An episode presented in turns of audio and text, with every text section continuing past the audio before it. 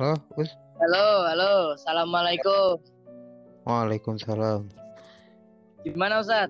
Kabarnya Ustaz? Alhamdulillah baik. Antum gimana, Us? Kabar Us? Alhamdulillah. Bi khair, bi khair. Alhamdulillah. Masya Allah, luar biasa Ustaz kita ini. Mantap. Oke, eh, kita buka dulu podcastnya. Bismillahirrahmanirrahim. Assalamualaikum warahmatullahi wabarakatuh. Waalaikumsalam warahmatullahi wabarakatuh. Ya, balik lagi bersama gua Egar Kemal di podcast gua. Kali ini akan membawakan eh, tema yang berbeda lagi variatif yaitu tentang sahabat Rasul ya Us ya betul? Betul, betul, betul. Sahabat Nah, Rasul. Iya, iya, betul. betul. Eh, tentang betul yaitu Nu'aim bin Amr betul Ustaz? Betul, ya, betul. Sip. Monggo, gimana sih Us? Maksudnya seorang kapan dilahirkannya kah atau mungkin sosok Nuaiman bin Amr ini bagaimana? Eh, Bismillahirrahmanirrahim. Saya mulai ya. Mulai ya. Assalamualaikum warahmatullahi wabarakatuh. Waalaikumsalam warahmatullahi wabarakatuh. Bismillah, alhamdulillah, wassalatu wassalamu ala rasulillah Muhammad sallallahu alaihi wasallam wa ala alihi wa sahbihi wa man tabi'au bilisani ila yaumiddin amma ba'd. Allah Ta'ala fil Qur'anil Karim ba'da a'udzu billahi minasyaitonir rajim. Bismillahirrahmanirrahim. Ya ayyuhalladzina amanu taqullaha haqqa tuqati wa la tamutunna illa wa antum muslimun. Bainal astaqal hadis di kitabullah wa khairal hadiyyati Muhammad sallallahu alaihi wasallam wa syarrul umuri muhdatsatuha wa kullu muhdatsatin bid-dini bid'ah wa kullu bid'atin dalalah wa kullu dalalatin finnar. Amma ba'd. Eh, yang pertama, marilah kita panjatkan puja dan puji syukur kita kehadirat Allah Subhanahu wa taala yang mana Allah Subhanahu wa taala masih memberikan kita kesempatan ber, mun, ber- apa namanya ber- bertemu walaupun bertemunya secara online tetapi tidak masalah. Semoga langkah kita diberkahi oleh Allah Subhanahu wa taala. Amin, amin ya rabbal alamin. Salawat serta salam kita junjungan kepada Nabi kita Nabi Muhammad sallallahu alaihi wasallam. Mas nonton kami Mas. Beliau adalah panglima perang jihad kita, suri tauladan kita dan kita jangan sampai me- melupakan sejarah-sejarah beliau yang telah beliau Rasulullah Shallallahu Alaihi Wasallam ukir Ya, betul. Eh, dalam podcast ini Alhamdulillah kenapa kok saya mengambil tema itu sahabat Nabi yang bernama Nuaiman bin Amr Ya, kenapa tuh Us penasaran? ini sahabat ini fenomenal sekali mungkin ya di antara kita belum mengenal itu siapa Nuaiman bin Amr tetapi kita di sini harus kumaha mak ayah ayah karena Nuaiman bin Amr ini termasuk salah satu sahabat Rasulullah Shallallahu Alaihi Wasallam yang turun di medan perang, terutama perang Badar. Masya Allah. Beliau Nuaiman bin Amr ini per- pernah ikut di perang Badar pada waktu itu. Nah, Mhm. saya mulai kisahnya dari dari mana ini? Soalnya banyak sekali kisahnya Nuaiman bin Amr ini, Ustaz. Ah, Ya, bisa dimulai dari ini aja Us dari dari awalnya aja mungkin. Dari Hmm. awal ya. Ya, dari awal. Tapi sebelum masuk cerita, sedikitlah saya mau nganu, meng, apa istilahnya menggambarkan keadaan masyarakat sekarang. Iya, boleh, boleh, boleh. Oke, Us, siap, siap. Orang itu jahil, tahu kok?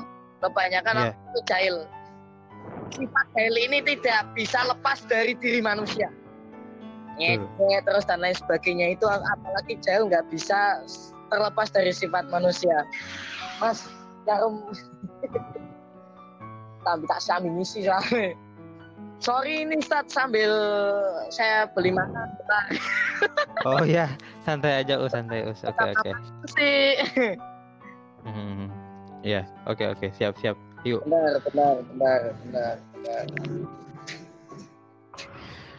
Jadi saya resume bentar ya Us ya. Jadi nih benar yang saya bilang Nuaiman bin Amr ini salah satu tokoh penting di perang Badar. Ya beliau merupakan sosok yang punya besar mungkin ya dalam perang Badar itu. pu- punya punya peran besar beliau apalagi eh, beliau ini adalah ketika Rasulullah Shallallahu Alaihi Wasallam sedih Hmm. kalau datang Nuaiman bin Amr ke tempat beliau itu langsung tersenyum kembali Masya Allah. itu selalu membawa kesenyuman di hatinya oh bagus Hmm. ceritanya Ustaz ini Luar biasa. ntar misalnya lagi milih makan saya Dasar. Oke, oke.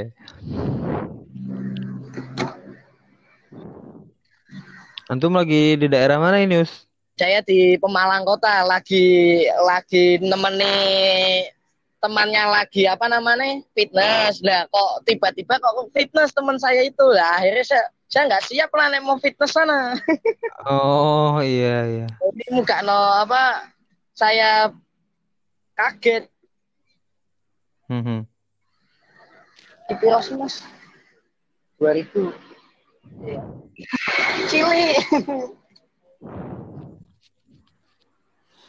gimana Ustaz Kemal sebentar Nah, iya. Iya mas, dah.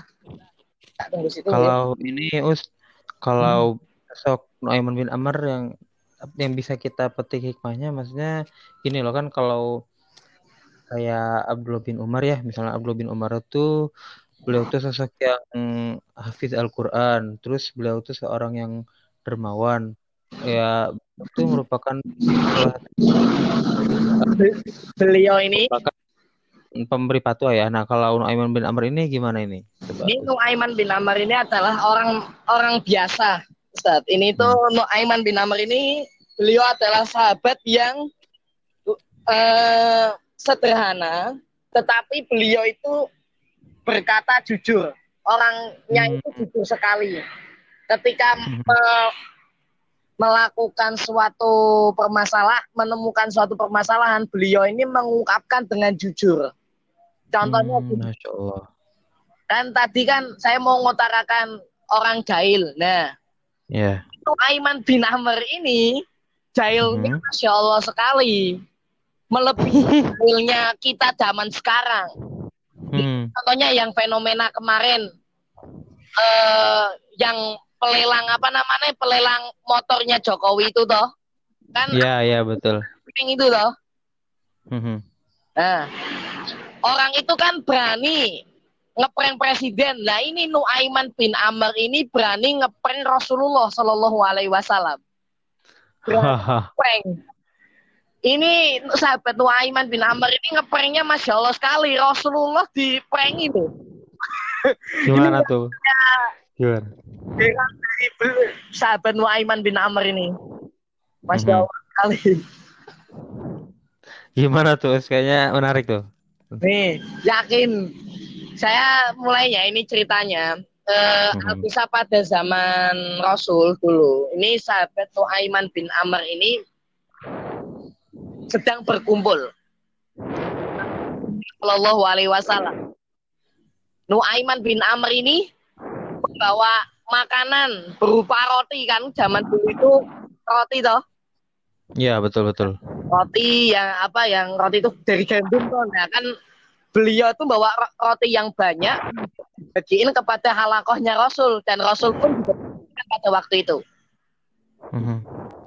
setelah se- selesai makan setelah semuanya selesai makan Nuaiman ini berkata kepada Rasulullah perkataannya kurang lebih wahai Rasulullah ini kan makanan sudah habis. Makanan ini milik si penjual yang sebelah saya ini. Tolong bayarkan makanan ini wahai Rasulullah. Nah apa enggak? Kaget Rasulullah. Hmm. akhirnya aslinya itu gimana menurut iman ini Rasulullah. Itu setelah itu ngajak sahabat yang lain untuk patungan kepada untuk membayarkan roti itu kepada si penjual. Hmm. kali itu salah satu pernya. Ada lebih ngepernya lebih dahsyat lagi dari ini. Ini salah satu prank kecilnya Nuaim Amar. Nah kenapa Nuaim Amar ini selalu ngeprank Rasulullah wah ini yang bikin pertanyaan heboh ini di diri Hmm. sendiri karena kan namanya sahabat itu pun ada keistimewaan kelebihannya masing-masing tak Ustadz ya. Iya, betul betul pasti. Sahabat ini waktu sebel waktu beliau awal-awal masuk Islam, Hmm. beliau kan masih sering mabuk. Toh. Hmm. Nah, Iya, kemudian betul. Rasulullah menemuinya, kemudian Rasulullah mencambuknya. Tahu mencambuk toh? Dicambuk, dicambuk. Ya, tahu tahu lah. Nuaiman bin Amr ini dicambuk sama Rasulullah dan setelah itu Nuaiman melakukannya lagi. Melakukan minum-minuman lagi, Rasulullah mencambuk lagi. Kemudian melakukannya kembali, Rasulullah itu mencambuknya lagi. Diulangi seperti itu. Sampai-sampai sahabat lain itu mengatakan seperti ini. Laknatullahu ala Nuaiman. Laknatullahu ala Nuaiman. Nah, ketika itu Rasulullah mendengar Rasulullah mendengar, hush kamu kalian jangan ngomong Nuaiman nih laknatullah jangan, nggak boleh. Karena Nuaiman bin Amr ini Allah Subhanahu Wa Taala sudah ridho kepadanya. Allah dan Masya Allah. Rasulnya itu sudah ridho kepadanya. Terhadap sikapnya itu sudah ridho. Karena dia itu saking jujurnya gitu loh. Dalam Hmm. mengungkapkan suatu permasalahan itu jujur. Hmm. Nah, ini kisahnya lagi. Eh, ketika Rasulullah Shallallahu Alaihi Wasallam ditemui oleh Abu Bakar As-Siddiq. Wah ini paling paling apa istilahnya rodok megel kesitik lah istilahnya. Hmm. Ketika Rasulullah Shallallahu Alaihi Wasallam menemui Abu Bakar As-Siddiq, ditemui oleh Abu Bakar As-Siddiq. Abu Bakar As-Siddiq itu minta izin kepada Rasulullah. Wahai Rasulullah, saya mau berdagang ke Syam, bolehkah saya mengajak dua sahabatmu? Kemudian lantas Rasulullah menjawab, siapakah yang akan kamu ajak? Abu Bakar menjawab, saya akan mengajak Nuaiman bin Amr. Hmm. Kemudian Rasulullah kaget loh, kenapa Nuaiman bin Amr diajak? Apakah nanti nggak merepotkan kamu? Anu, apa namanya saus apa jenenge sing putihnya apa mayones lah ya mayones karo mayones karo apa namanya anu tomat tomat tomat nah kia karo tomat teh sorry Oh. saya minta sambil ya setelah setelah Nuaiman bin Amr ini eh Rasulullah mendengar nama Nuaiman bin Amr ini kaget loh kenapa mau ngajak mengajak Nuaiman bin Amr biar seru kan Abu Bakar itu biar seru aja di jalan Nah, kemudian sahabat satunya namanya Suwaibid bin Harmalah. Hmm. Ini beliau ini nama Suwaibid bin Harmalah ini salah satu sahabat yang mana sahabatnya ini beliau tuh selalu amanah, menjaga Hmm. amanah dari seseorang. Pinter Hmm. banget kalau menjaga amanah, tidak mengecewakan orang yang memberi amanah kepadanya. Nah, setelah Abu Bakar itu minta izin kepada Rasulullah, akhirnya berangkat mereka bertiga menuju Syam. Nah, iya. Ketika sudah sampai Syam, nah, Abu Bakar itu menawani istilahnya pekerjaan lah, yo, kepada Iya. mereka. Nah, eh, pertama itu Abu Bakar itu menawarkan pekerjaan kepada Nuaiman bin Amr Hmm. karena tahu Abu Bakar itu tahu sifatnya Nuaiman bin Amr gitu. Lah akhirnya Nu- Abu Bakar berkata, "Wahai Nuaiman, kamu di sini terserah melakukan apa pun. Yang penting masih koridor dengan syariat Allah dan Rasulnya gitu." Hmm. Terus terus. kan sudah tahu sifatnya Nuaiman bin Amr. Kemudian Abu Bakar itu menawarkan kepada salah satu sahabatnya yang namanya Suwaibid bin Harmalah. Nah, Hmm. So, yes, wahai Suwaibid, karena kamu itu orang yang sangat amanah, kamu menjaga makanan yang yang kita bawa dari Mekah. Nah, Suwaibid itu menjaga makanan yang di Mekah, yang dibawa dari Mekah ke Syam itu. Nah, akhirnya setelah Hmm. Itu Abu Bakar pergi menuju pasar untuk melakukan pekerjaannya lah berdagang gitu kan. Kan kalau biasanya kan orang Mekah itu pada waktu dulu kan berdagang ke luar negeri ngambil barang kemudian dijual lagi ke Mekah gitu nih. Iya betul betul. Pada waktu, waktu itu kan seperti itu. Nah, ketika Abu Bakar menuju pasar untuk berdagang, nah tibalah waktu tengah hari, istilahnya kan waktu duhur. Iya. Kan setel, ketika itu Nuaiman bin Amr itu lapar. Nah ini nih, apa megelak ini mulai di sini. Nuaiman itu eh, apa namanya lapar sekali kan kemudian Nuaiman bin Amr ini tahu sahabatnya itu yang bernama Suwaibid bin Harmalah itu penjaga makanan yang dibawa dari Mekah tadi.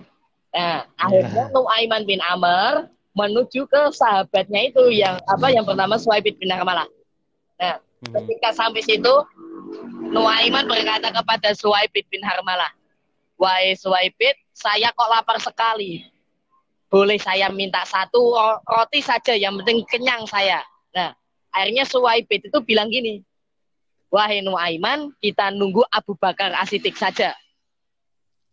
Karena saya tidak berani untuk mengasihkan kepada engkau, kepada kamu Nuaiman. Karena amanahnya itu suruh menjaga.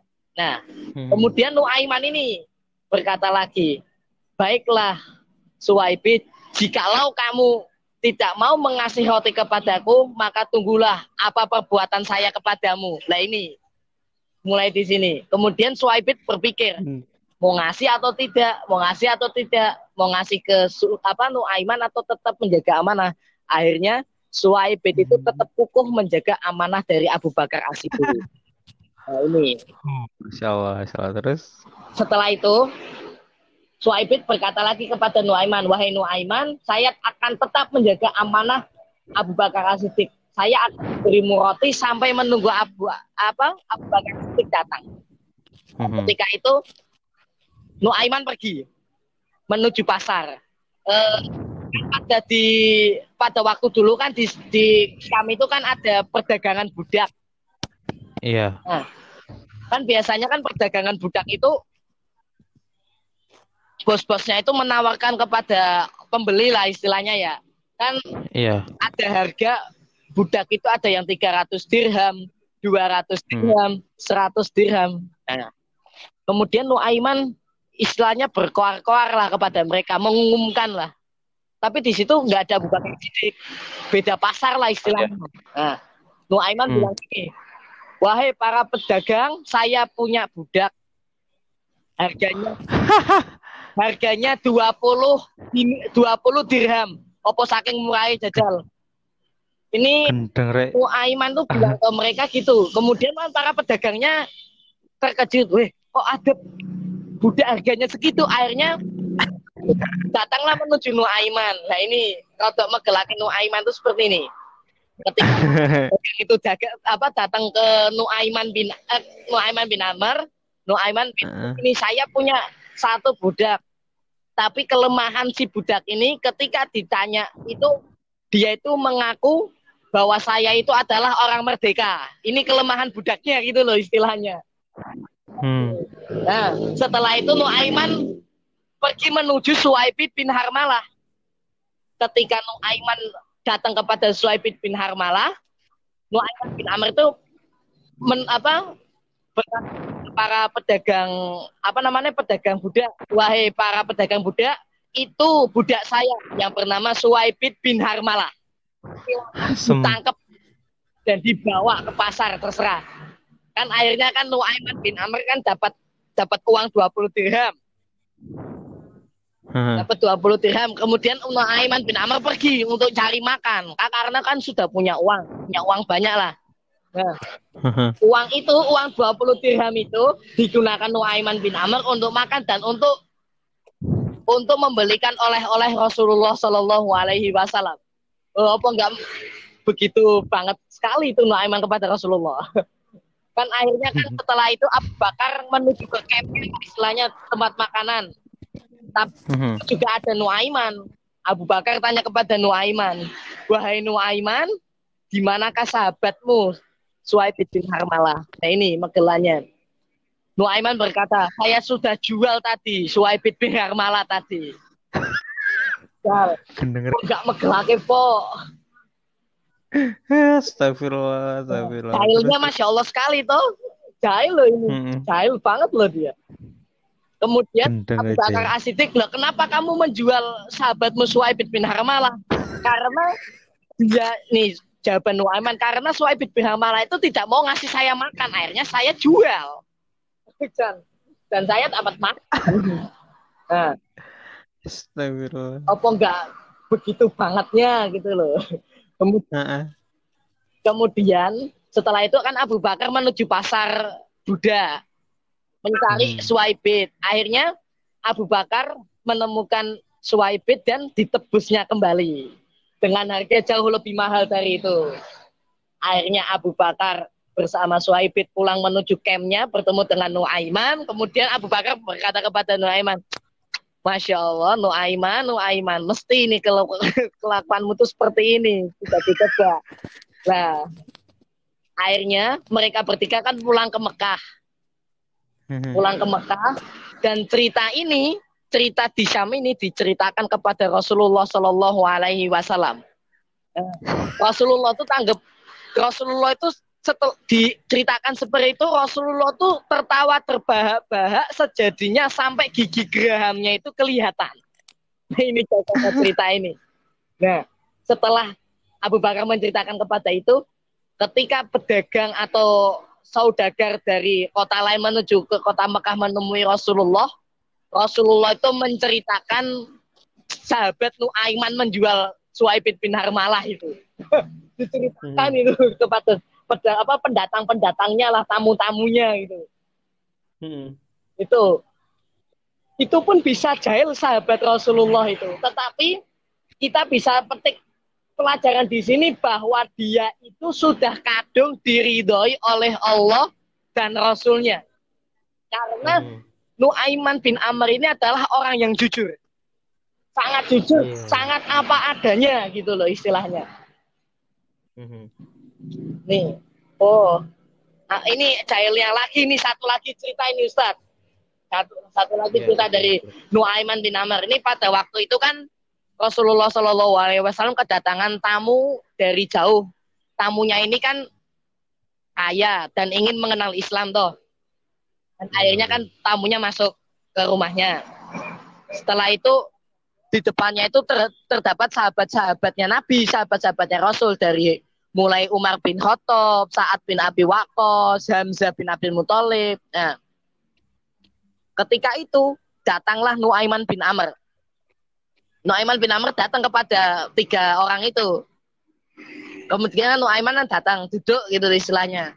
Nih, Hamzah bin Abdul Muthalib itu guyon kepada Nuaiman. Wahai Nuaiman, beranikah kamu memotong unta itu? Ini guyon Hamzah itu. Kemudian Nuaiman berkata, berani kok saya. Tapi asal kam, kal, ka- Hamzah jangan bilang kepada Rasulullah Shallallahu Alaihi Wasallam. Gitu. Akhirnya Hmm. Hamzah melupakan guyonannya tadi lah. Ketika Hamzah bin Abdul Muthalib asyik bercanda dengan bercakap-cakap dengan sahabatnya yang lain, ketika menengok ke depan rumahnya Rasul, untanya tamu-tamu itu sudah dipotong semua oleh Nuaiman bin Amr. Ini apa nggak megelake banget tuh Aiman? Sudah potong loh untanya. Nuaiman itu sama Nuaiman bin Amr. Nah, ketika itu Nuaiman bilang sama Hamzah, wahai Hamzah, saya akan pergi sebentar menuju nggak tahu ke mana intinya saya akan pergi. Nanti kalau ditanya oleh Rasulullah, saya pergi gitu lah. Nah, setelah itu Yo. Rasulullah mel- apa keluar kok kaget tiba-tiba kok untanya sudah dipotong-potong.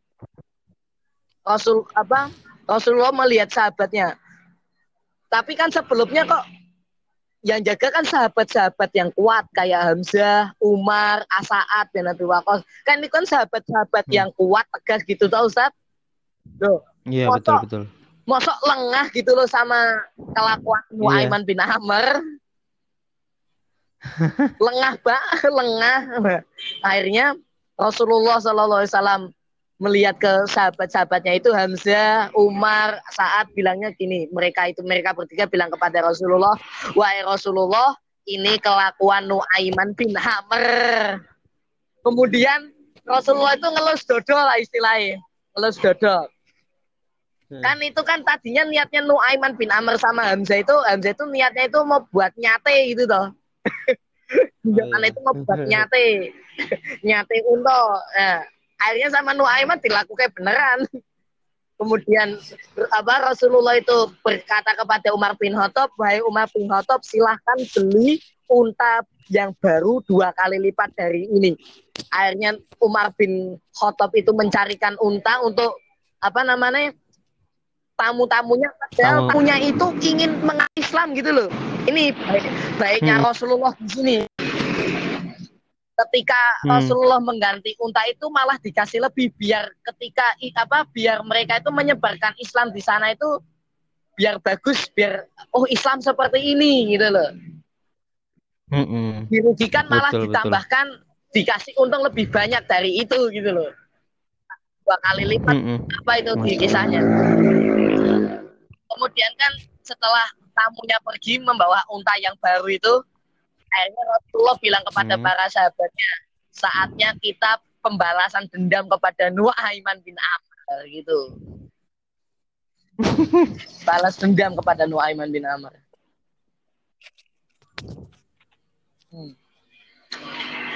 Sambil makan saya. Oh, dasar. Kemil biasa, kemil sosis. Akhirnya hmm, Rasulullah mencari sama para sahabatnya nggak tahu entah ke mana. Di penghujung kota Madinah, ini Nuaiman bin Amr ini bertemu dengan penggali sumur sahabatnya. Mm-mm. Saya lupa nama sahabatnya yang penggali kubur itu namanya siapa. Tapi penggali sumur ini adalah dulu prajurit perang Badar. Mas. Nuaiman ber- bin Amr berkata gini, wahai Nu'a, wahai penggali kubur, wahai sahabat apa namanya sahabat perang Badar, Sohibul Badar. Nah, ah, intinya Nuaiman bin Amr ini muji-muji dia lah. Mesti kan ada maunya kalau muji-muji itu toh. Istilahnya mesti ada maunya. Hmm. Nah, Nuaiman bin Amr akhirnya kata gini, bolehkah saya bersembunyi di sini? Kemudian sahabatnya itu yang ikut sumur bilang, boleh Nuaiman. Kemudian Nuaiman masuk dan mengatakan kepada penggali sumur itu, wahai penggali sumur, janganlah kasih tahu siapa pun. Kemudian penggali sumur itu, baiklah Nuaiman bin Amr saya tidak akan mengatakan kepada siapa pun. Kemudian Nuaiman bilang gini, sekarang Rasulullah Shallallahu Alaihi Wasallam, saya kan penggali sumbernya itu kaget, loh, kok Rasulullah mau cari kamu? Sekalipun ini kemudian Nuaiman kata gini, sekalipun Rasulullah, kemudian penggalinya itu bilang, iyalah saya tidak akan bilang siapa pun. Akhirnya selang berapa ya, sekitar 15 atau 20 kemudian akhirnya Rasulullah berserta para rombongan sahabatnya yang tadi duduk di depan rumahnya itu kaget lah kali sumur itu. Kok Rasulullah akhirnya mau ini penggali kubur penggali sumurnya ini mau bohong ya. Nanti ngelanggar janjinya Nuaiman mau nangis Rasulullah. Akhirnya eh, apa nu, apa sahabat penggali sumurnya itu cuma apa tidak berkata tetapi tangannya penggali sumur itu menunjuk bawah. Akhirnya setelah Rasulullah membuka tutup sumurnya itu melihat ke bawah itu muncul Nuaiman bin Amr. Muncul Nuaiman bin Amr gitu. Setelah Nuaiman keluar dari sumurnya itu hmm, apa? Berkata penggali sumurnya itu loh ini Nuaiman tuh gimana Rasulullah? Kenapa karena apa kemudian Nuaiman bilang ini itu kok ada apa itu istilahnya jahil jahili laki nih jahili laki. Itu ada apa di belakang? Akhirnya Nuaiman bin Amr itu pergi kabur dari itu. Apa ketemu lagi sama Rasul. Nah, di keesokan harinya seperti itu. Ini laki sekali tuh Nuaiman bin Amr. Gimana Ustaz? Itulah mungkin ceritanya Nuaiman bin Ya. Amr itu. Luar biasa ya jahil jahil jahil banget itu ih jahil lepol ya. Berarti Daripada jahilnya lebih lebih dari jahil anak sekarang. lebih Tapi luar kita biasa. Kalau kita misalnya, misalnya di kampus itu, di sekolah, di kampus itu kan jahilnya ini. Ini jahilnya Oh. malah kepada Rasul. iya. Tapi pelajaran yang lebih baik diambil dari ini intinya kita itu jangan sampai mencari surganya Allah. Tetapi kita itu harus mencari keridoannya Allah Subhanahu wa taala dan juga ridho Rasul. Nah, Itu. Nah, nah, itu ya terpilah. Jadi kita harus bisa mencari ridhonya Allah dengan cara yang diridhoi oleh Allah juga pasti ada sudah tertata gitu kan di dalam syariat juga bagaimana cara mencari ridho Allah gitu kan. Nah, usaha usaha mungkin gitu dengan cara mungkin seperti Nuaiman bin Amr ini dengan cara eh, jujurnya beliau gitu meskipun jahil ya sok gak apa-apa gitu walaupun ke orang-orang soleh ke Ustadz jahil gak apa-apa yang penting siapa tahu nanti kecepatan ilmunya kecepatan kesolehannya Betul, betul. Yang penting Ya, kita ya, itu betul nggak? hidup itu jangan dibikin sepaneng. Kan hidup itu kan berlikaliku. Kadang Nah, lurus, betul. kadang juga belok-belok lah kayak jalan. Itulah. Istilah. Mm-mm. Nah, makanya. Jadi harus enjoy juga relax gitu kan. Nah, udah menjujur kayak Iya, gitu. emang- Tapi asik gitu kan orangnya. Ya, jadi inspirasi. Sudah Ya, gimana, ya gimana? gitu aja lah ceritanya dari Nuaiman bin Amr. Aslinya masih banyak lagi ceritanya. Mana Kan- nih? Karena kepanjangan Ya, ini waktunya aja. mungkin ya. Iya, gak apa-apa us aja emang standar kok segini. Nah, jadi gitu ya berdasar terpilah. Jadi gak apa-apa kalau mau asik-asik aja bercanda, bercanda. Yang penting enjoy lah gitu, masih dalam koridor syariah gitu. Tapi jangan sampai bercanda itu yang emang kelewatan banget lah gitu. Kayak kemarin yang sempat viral itu kan ganti lagu apa? Lagu Sayyidah Aisyah kan Aisyah istri Rasulullah terus di gimana liriknya diganti jadi konotasi yang jelek-jelek Ah, kan itu kenceng lah maksudnya itu bukan bukan jahil lagi itu Iya. apa ya penghinaan dan pelecehan. Makanya sempat di, dipidana gitu. Ya jadi harus lebih hati-hati juga lah. Jadi canda tapi tahu batasan gitu istilahnya. Apa yang patut dibercandai ya enggak ya, Ustadz Kemal. Em, eh, kalau misalnya ini podcast ini kamu tawarkan ke Ustadz-Ustadz PUTM, beranikah? Ya saya udah sih di di grup kuncen gitu kan udah udah diiniin. Nah cuman kalau buat penyebarannya di pendistribusiannya silahkan aja lah. Nanti ntar an- antum kalau mau boleh kok sok aja kalau antum berani. Kalau mau saya agak ini sama juga. itu Ustadz siapa? Kan- Ustadz Ustadz eh, Ustadz Endi, Ustadz Muajir.